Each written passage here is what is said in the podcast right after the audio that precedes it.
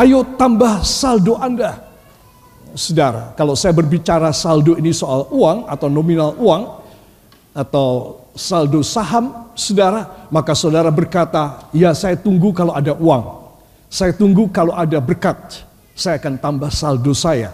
Ya, saudara. Nah itu maksudnya tidak demikian. Justru saudara kalau mau tambah saldo, saudara harus lebih dekat kepada Tuhan. Amin. Ini di bidang keuangan. Saya akan berbicara sedikit berbeda sebentar ini. Para kekasih itu sebab kita semua sudah tahu dan kita semua berharap supaya saldo kita makin hari makin bertambah, makin banyak. Saudara engkau tidak dosa, engkau tidak salah. Ya saudara, itu sebab saya ingin mengajak semua saudara memperhatikan. Dengan kata lain, hiduplah berkelimpahan secara jasmani, termasuk kesehatan, keuangan, ya, pekerjaan, masa depan, hari tua secara jasmani dan secara rohani. Saudara, ini penting sekali. Ya, bukan karena saya pendeta harus bilang begini, tidak. Ya, tetapi satu hidup yang berlimpah adalah satu kehidupan yang benar-benar saldonya besar di mata Tuhan. Katakan, saldo saya harus besar di mata Tuhan. Nah, ya sekarang saudara mulai kena ya. Saldo inilah yang saya dan saudara harus mempunyai bertambah-tambah. Maka Tuhan akan memberikan kepada kita semua satu kehidupan yang berkelimpahan di dunia dan masuk ke tempat yang luar biasa berlimpah. Di mana? Di sorga. Ya, puji Tuhan. Oleh sebab itu saudara, saya ingin supaya saudara mengerti. Tetapi kata saldo itu bila kita itu adalah kata awam, kata umum ya saudara. Semua orang tahu ya saudara. Nah, tetapi yang dimaksud di sini adalah saldo bersih. Katakan saldo bersih. Saya mau menyampaikan firman ini saya agak ya membuka beberapa site dari internet untuk saya belajar tentang saldo. Apa maksudnya saldo? Ya saudara, bukan saya sudah mengerti, tidak. Tetapi saya mulai belajar sedikit. Oh saldo itu ternyata bukan cuma ya kelebihan, tetapi saldo itu mempunyai arti kelebihannya kayak apa? Ya, ada yang dinamakan sebagai saldo bersih. Itu sebab apa yang firman sampaikan kepada saudara, apa yang Tuhan berbicara dalam hati saudara, itu harus merupakan pertambahan pada saldo bersih saudara. Katakan pada saldo bersih saya harus bertambah-tambah. Saudara. Nah, saya ingin mengajak semua saudara untuk mengerti lebih dulu tentang saldo ini, ya saudara. Jadi bukan saya sudah mengerti, tidak, saya bukan orang ekonomi, ya. Saldo. Definisi umum atau awam, ya saudara, adalah selisih antara debit pemasukan dengan kredit pengeluaran. Selisihnya itu kita namakan saldo. Wah, saldoku ada segini. Ya, saldomu ada berapa? Ya, saudara. Nah, ini ada selisih antara pemasukan dan pengeluaran. Saudara, untuk lebih mendetail lagi secara ilmu akuntansi, selisih antara total, nah total debit dengan total kredit, saudara, dalam satu periode waktu. Saudara, barangkali seminggu kah, atau sebulan atau setahun, saudara, ini satu periode waktu. Di situ barulah ditarik kesimpulan dibanding bulan lalu aku kayak apa? Dibanding tahun lalu aku seperti apa? Untung atau rugi? Ada saldo apa tidak? Dan saldonya harus bersih. Ya, saudara. Nah, ini secara umum dan secara lebih spesifik lagi secara ilmu akuntansi. Ada catatan, saldo selalu merupakan suatu jumlah bersih. Saudara, jadi saya tidak bisa mengatakan saldo saya banyak kalau saya masih mempunyai utang kepada si A atau si B atau si X. Ya, atau saya masih mempunyai cicilan. Kalau cicilan itu bagaimana? Ya, coba saudara bilang cicilan, oh, tapi ditutup masker ya, tidak ketara. Yang mencicil, ya itu sebab keluar kata cicilan, mencicil, asal bayar, mencicil, saudara. Nah, saldo selalu merupakan suatu jumlah bersih. Bila masih ada perhitungan-perhitungan lain, tidak boleh disebut sebagai saldo. Ya, Saudara. Ini perhitungan perbankan yang lebih detail lagi. Perusahaan yang besar, bukan asal ada kelebihan. Tapi kita mau pakai kalau perusahaan besar, kalau orang dengan dengan sistem manajemen keuangan dalam keluarganya, eh jangan dulu. Kita masih punya tanggungan, kita masih punya beban, ya dan lain sebagainya. Itu sebab semua katakan saldo saya secara rohani pasti bersih. Ya, apa makna daripada definisi umum dan awam? Selisih antara debit dengan kredit. Saudara, Artinya saya dan saudara harus diberkati di dalam bidang rohani. Katakan bidang rohani. Pemasukan saya yaitu firman dan roh kudus. Kesetiaan saya, pemasukan saya harus lebih besar dari pengeluaran saya. Yaitu beban kehidupan, kerugian, dan segala sesuatu yang merugikan.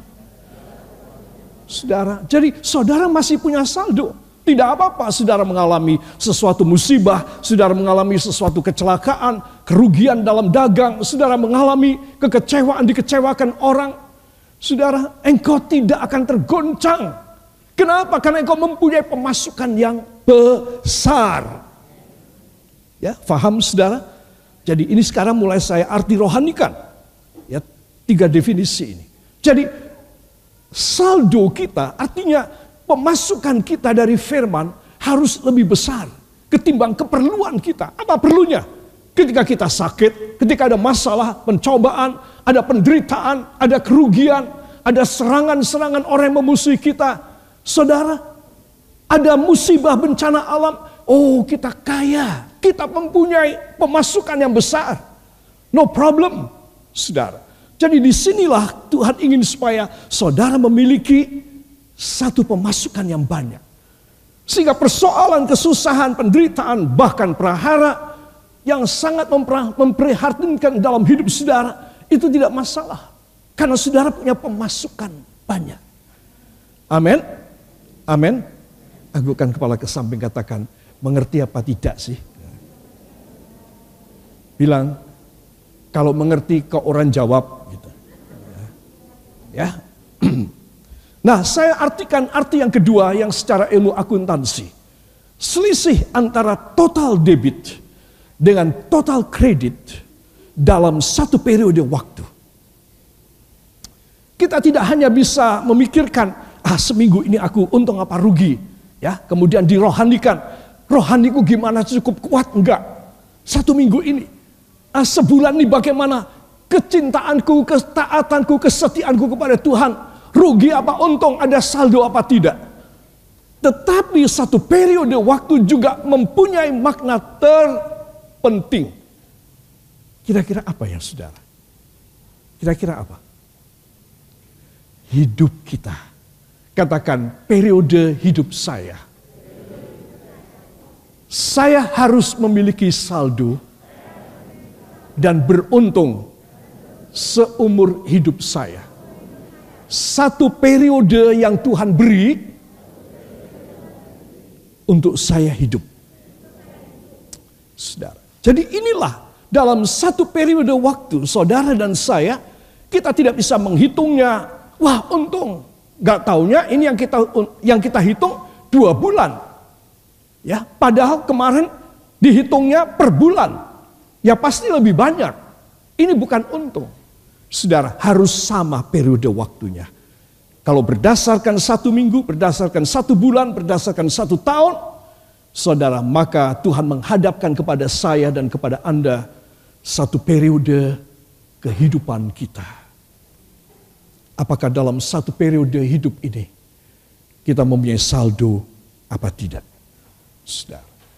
Jadi di sini kita melihat bahwa sering kali kita hanya mengejar harta benda dan uang saja. Anak-anak muda mulai belajar, berusaha keras, bahkan kalau melihat contoh dari beberapa orang yang walaupun pendidikannya tidak tinggi tetap menjadi orang yang terkaya di dunia. Ah aku mau seperti itu deh, gak usah belajar tinggi-tinggi. Aku asal giat, aku asal uh, smart, aku pasti bisa. Seperti si atau si B atau si X. Saudara. Nah jadi hanya memikirkan dalam periode waktu yang Tuhan beri.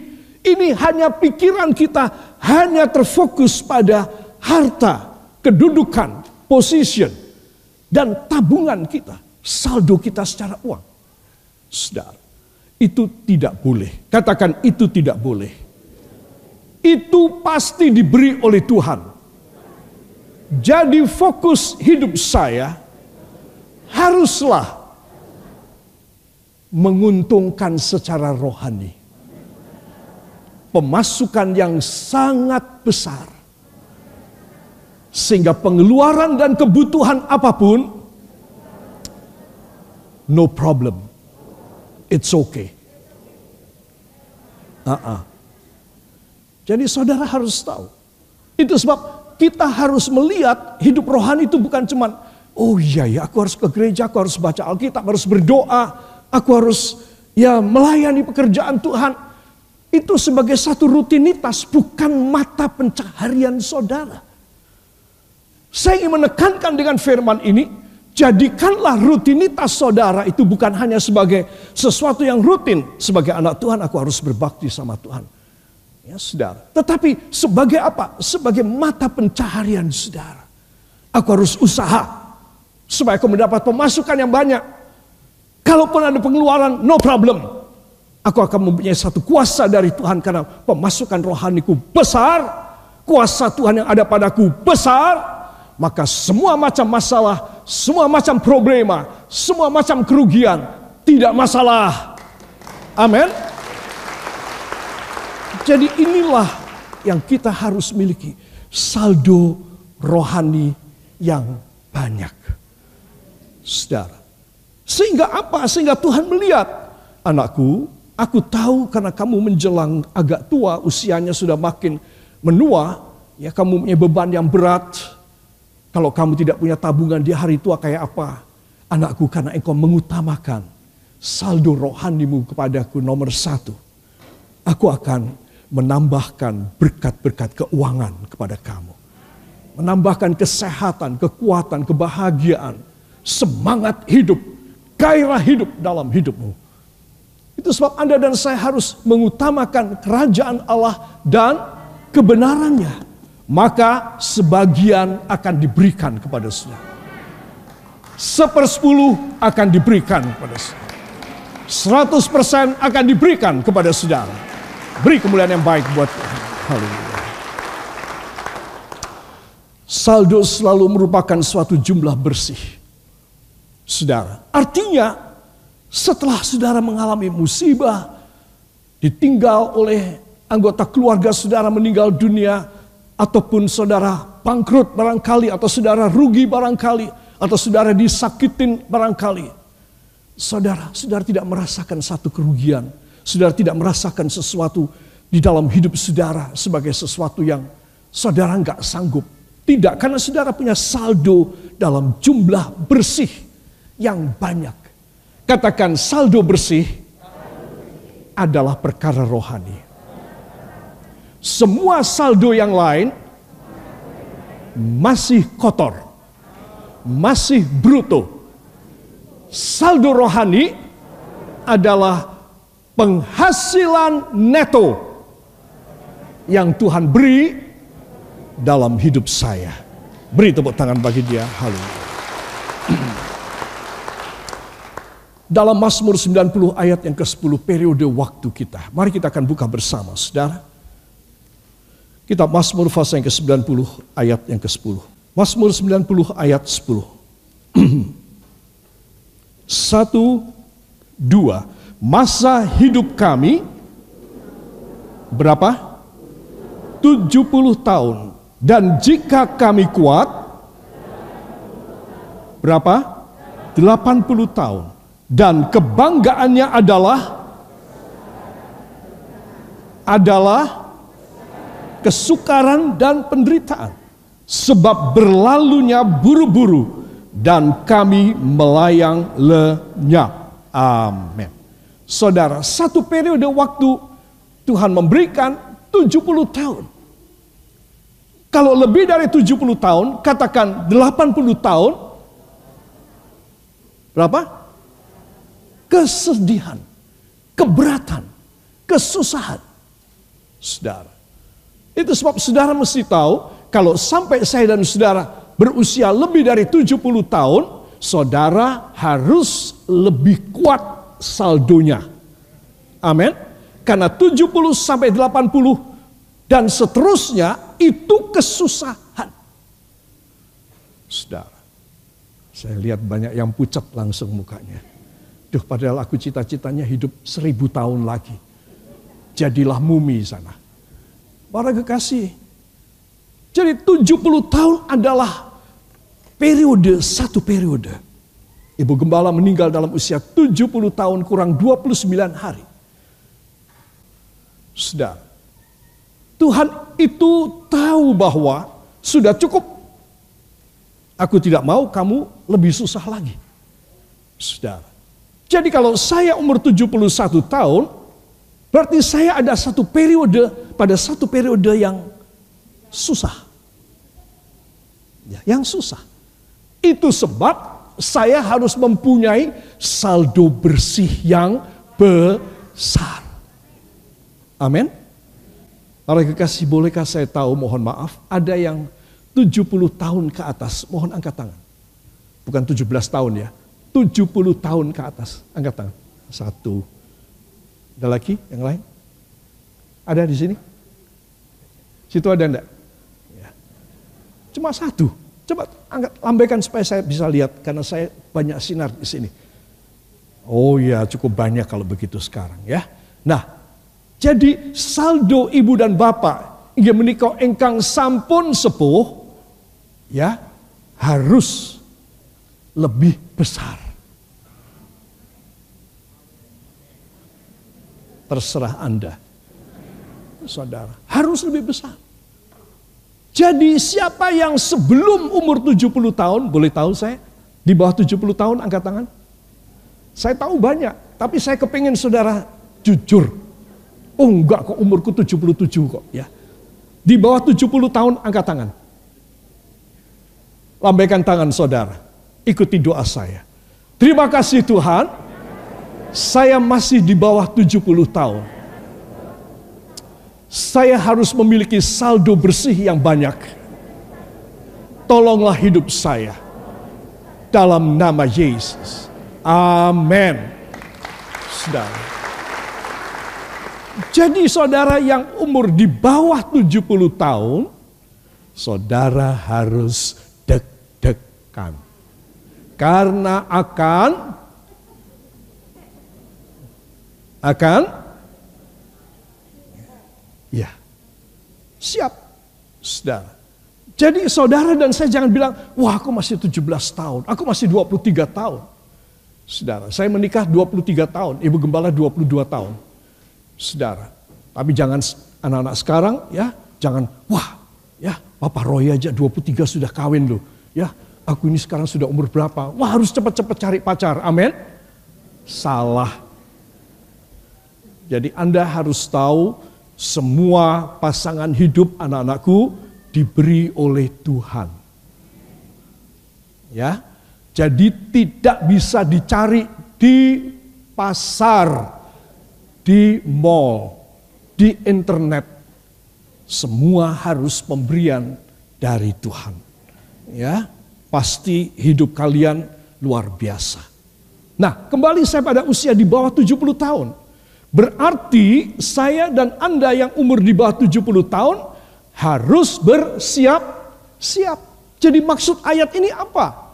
Baik kau yang sudah 70 ke atas maupun kau yang 70 ke bawah harus siap. Memang 70 tahun ke atas itu banyak kesusahan. Saudara. Itu kata Alkitab. Tetapi kita harus menyiapkan 70 adalah angka kritis. Saudara. Jadi saya dan saudara harus bersiap. Tuhan, saya mau saldo bersih yang banyak Tuhan. Bukan di bidang keuangan tapi di bidang rohani kuasamu, belas kasihmu, kemurahanmu, pembukaan jalan dari engkau, penghiburan dari roh kudusmu, pimpinanmu dalam hidup hamba. Supaya hamba boleh menyelesaikan hidup ini pada usia berapapun. Di atas 70, di bawah 70, hamba masuk dalam kerajaanmu. Amin. Harus disiapkan. Hidup saudara tidak bisa dua kali. Hidup saudara sangat berarti dan berharga. Persiapkan dengan baik. Sebelum engkau mati. Kalau saya dan saudara menyiapkan sebelum kita mati dengan baik, maka ini pelajarannya. Aku harus menyiapkan satu pemasukan rohani yang banyak dalam hidupku. Karena uang tidak menjamin aku bisa masuk sorga. Yang bisa menjamin aku masuk sorga adalah hidup rohaniku yang kaya. Saldo yang banyak. Memang, saudara, klisenya adalah orang yang meninggal dalam Kristus masuk sorga. Saudara, itu adalah sesuatu satu satu keputusan ya yang klise. Tetapi jangan dianggap bahwa nggak ada syarat sama sekali. Salah. Ini salah satu syarat saya sampaikan dalam pelajaran ini adalah saldo rohani. Katakan saldo rohani dalam jumlah bersih harus makin bertambah dalam nama Yesus amin haleluya Saudara yang kekasih, itu sebab dengan pendahuluan ini, prakata ini saya masuk pada dari mana kita harus mempunyai kelimpahan saldo tersebut. Semua katakan dari iman dan perbuatan iman. Terus orang bukan hanya percaya masuk sorga. Barang siapa percaya masuk sorga. Baru minggu kemarin saya jelaskan. Ya, kalau ada pengkhotbah demikian, pengkhotbah yang jahat. Karena harus ada syarat yang lain. Tidak begitu sepele. Memang sorga itu memang tidak ada harganya. Sehingga sepele. Saudara beli barang satu juta dan saudara mau beli barang 150 juta. Engkau harus mikir pertama dan engkau harus mempunyai pikiran cocok enggak dia buat aku. Kalau aku ambil ini, adakah uangku cocok enggak buat aku? Kan ini terlalu mahal, ini terlalu bagus. Itu itu itu ibaratnya saudara mau beli barang semacam itu. Kalau saya tidak punya uang satu juta, bahkan yang kurang bagus pun saya tidak bisa. Saya harus nyadar. Kenapa? Saldo saya tidak ada. Sejuta pun saya tidak bisa berani. Saya tidak berani beli. Tidak bisa beli, tidak berani beli. Saudara yang kekasih kita harus memikirkan bahwa saya dan saudara itu mau masuk ke sorga itu tak terbayangkan mahalnya. Jadi saya dan saudara kita harus mulai sekarang kita harus berlimpah di dalam saldo iman dan perbuatan iman. Katakan saldo iman dan perbuatan iman harus melimpah seumur hidup saya. Yang mau beri tepuk tangan bagi dia. Haleluya. Para kekasih ada tiga buah ayat kita buka dalam bilangan fase yang ke-11. Kita bilangan fase yang ke-11. Ayat yang ke-21 sampai 23. Kita bilangan fase yang ke-11 para kekasih.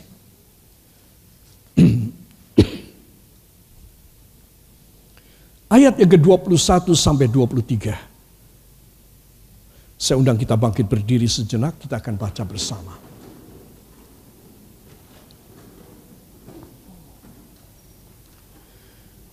Siap satu di rumah saudara juga dengan suara. Satu, dua. Tetapi kata Musa, bangsa yang ada bersama aku ini berjumlah 600 ribu orang berjalan kaki. Namun engkau berfirman, daging akan kuberikan kepada mereka dan genap sebulan lamanya mereka akan memakannya. Dapatkah sekian banyak kambing domba dan lembu sapi disembelih bagi mereka? sehingga mereka mendapat cukup atau dapatkah ditangkap segala ikan di laut bagi mereka sehingga mereka mendapat cukup? Tetapi Tuhan menjawab Musa masakan kuasa Tuhan akan kurang untuk melakukan itu. Sekarang engkau akan melihat apakah firmanku terjadi kepadamu atau tidak ulangi. Sekarang engkau akan melihat apakah firmanku terjadi kepadamu atau tidak? Sekali lagi sekarang engkau akan melihat apakah firmanku terjadi kepadamu atau tidak. Amin terima kasih. Silahkan duduk kembali. Para kekasih tidak ada iman tidak dapat. Saudara kita membaca di sini tentang perjalanan Israel Saudara, belum lama mereka melewati Laut Kolsom dan menyeberang untuk masuk ke wilayah yang lebih dekat lagi yaitu Sungai Yordan. Ada perbatasan lagi yaitu Sungai Yordan. Di balik seberang Sungai Yordan itulah tanah perjanjian. Saudara ketika mereka baru saja keluar dari Laut Kolsom dan mereka dilepaskan dari kejaran tentara-tentara dan Firaun, saudara, mereka sekarang setelah berjalan sekian lama mereka kelaparan. Saudara, karena lapar mulai muncul pertanyaan kepada Tuhan. Perhatikan, ini filosofinya. Itu sebab Tuhan berkata, "Kamu tidak boleh lapar, kamu tidak boleh tidak bisa beli makanan." Aku akan menjamin kamu sampai kamu bisa makan. Lihatlah burung-burung di udara. Tidak ada yang menanam, tidak ada yang menabur, tidak ada yang menuai. Tapi tidak ada seekor pun dari mereka yang jatuh ke tanah karena kelaparan. Saudara. Jadi Tuhan menjamin bahwa saya dan saudara akan bisa hidup berkelimpahan di dalam Tuhan Yesus. Amin. Sebab apa? Sebab ketika orang lapar, mulai mau berontak kepada Tuhan. Jadi saudara dan saya harus tahu, Tuhan firmanmu sudah memberikan bukti bahwa kalau orang lapar bisa bertanya dan bisa berontak. Itu sebab Tuhan engkau akan memberi berkatmu kepada hamba. Ya anakku aku memberi kepada kamu. Asal kamu mengutamakan kerajaan Allah dan kebenarannya, aku pasti memberkati kamu. Amin. Ya, itu sebab saudara mesti tahu. Jadi ketika mereka lapar, mereka mulai berontak kepada Tuhan. Saudara, mereka datang, pemimpin-pemimpin mereka datang kepada Musa. Musa, kalau engkau tidak bisa memberi kita makan, kami akan bunuh engkau. Kenapa engkau mengeluarkan kami dari Mesir? Di Mesir kami walaupun sepanjang hari kami bekerja keras, tetapi pada malam hari kami duduk di depan belanga. Tahu belanga? Kuali. Yang berisi gulai dan daging, sup dan lain sebagainya. Rempah-rempah ada di sana. Kami bisa makan walaupun sepanjang hari kami kerja keras. Musa, kami kepingin makan daging. Kami tidak mau makan Roti mana ini yang setiap pagi datang turun dari sorga dan kami harus mengambilinya. Satu orang satu takar. Kami sudah muak. Tuh, mereka bilang kami sudah muak. Kami mau muntah kalau makan itu. Menurut saudara, Tuhan mendengar mereka punya keluh kesah dan caci maki apa tidak? Mendengar apa tidak? Hati-hati loh. Tuhan mendengar loh, saudara. Jangan pikir orang tuamu, orang tuamu tidak dengar. Jangan pikir anakmu, anakmu nggak dengar.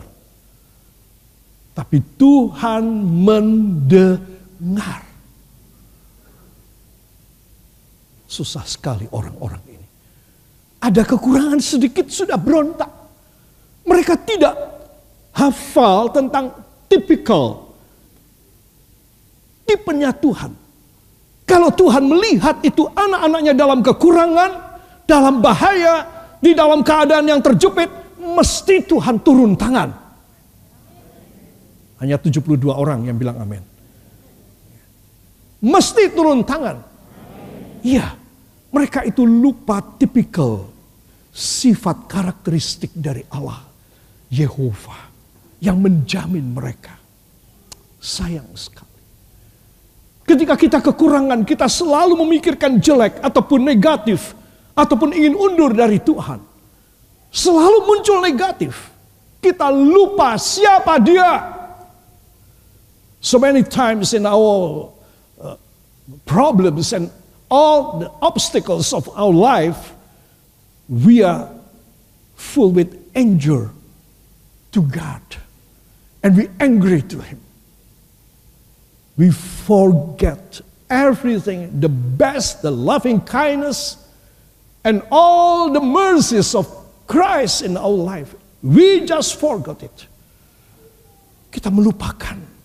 Sehingga apa? Sehingga kita mempunyai satu satu perasaan. Tuhan, kenapa tidak dia? Kok aku yang ngalamin? Dia nggak apa-apa, aku kok ngalamin Tuhan. Nah mulailah kita ini berbantah-bantahan dengan Tuhan. Sekali lagi itu sebab Tuhan tidak mau saudara kekurangan. Tuhan tidak mau saudara miskin. Tuhan mau memberkati semua anak-anaknya sampai berkelimpahan.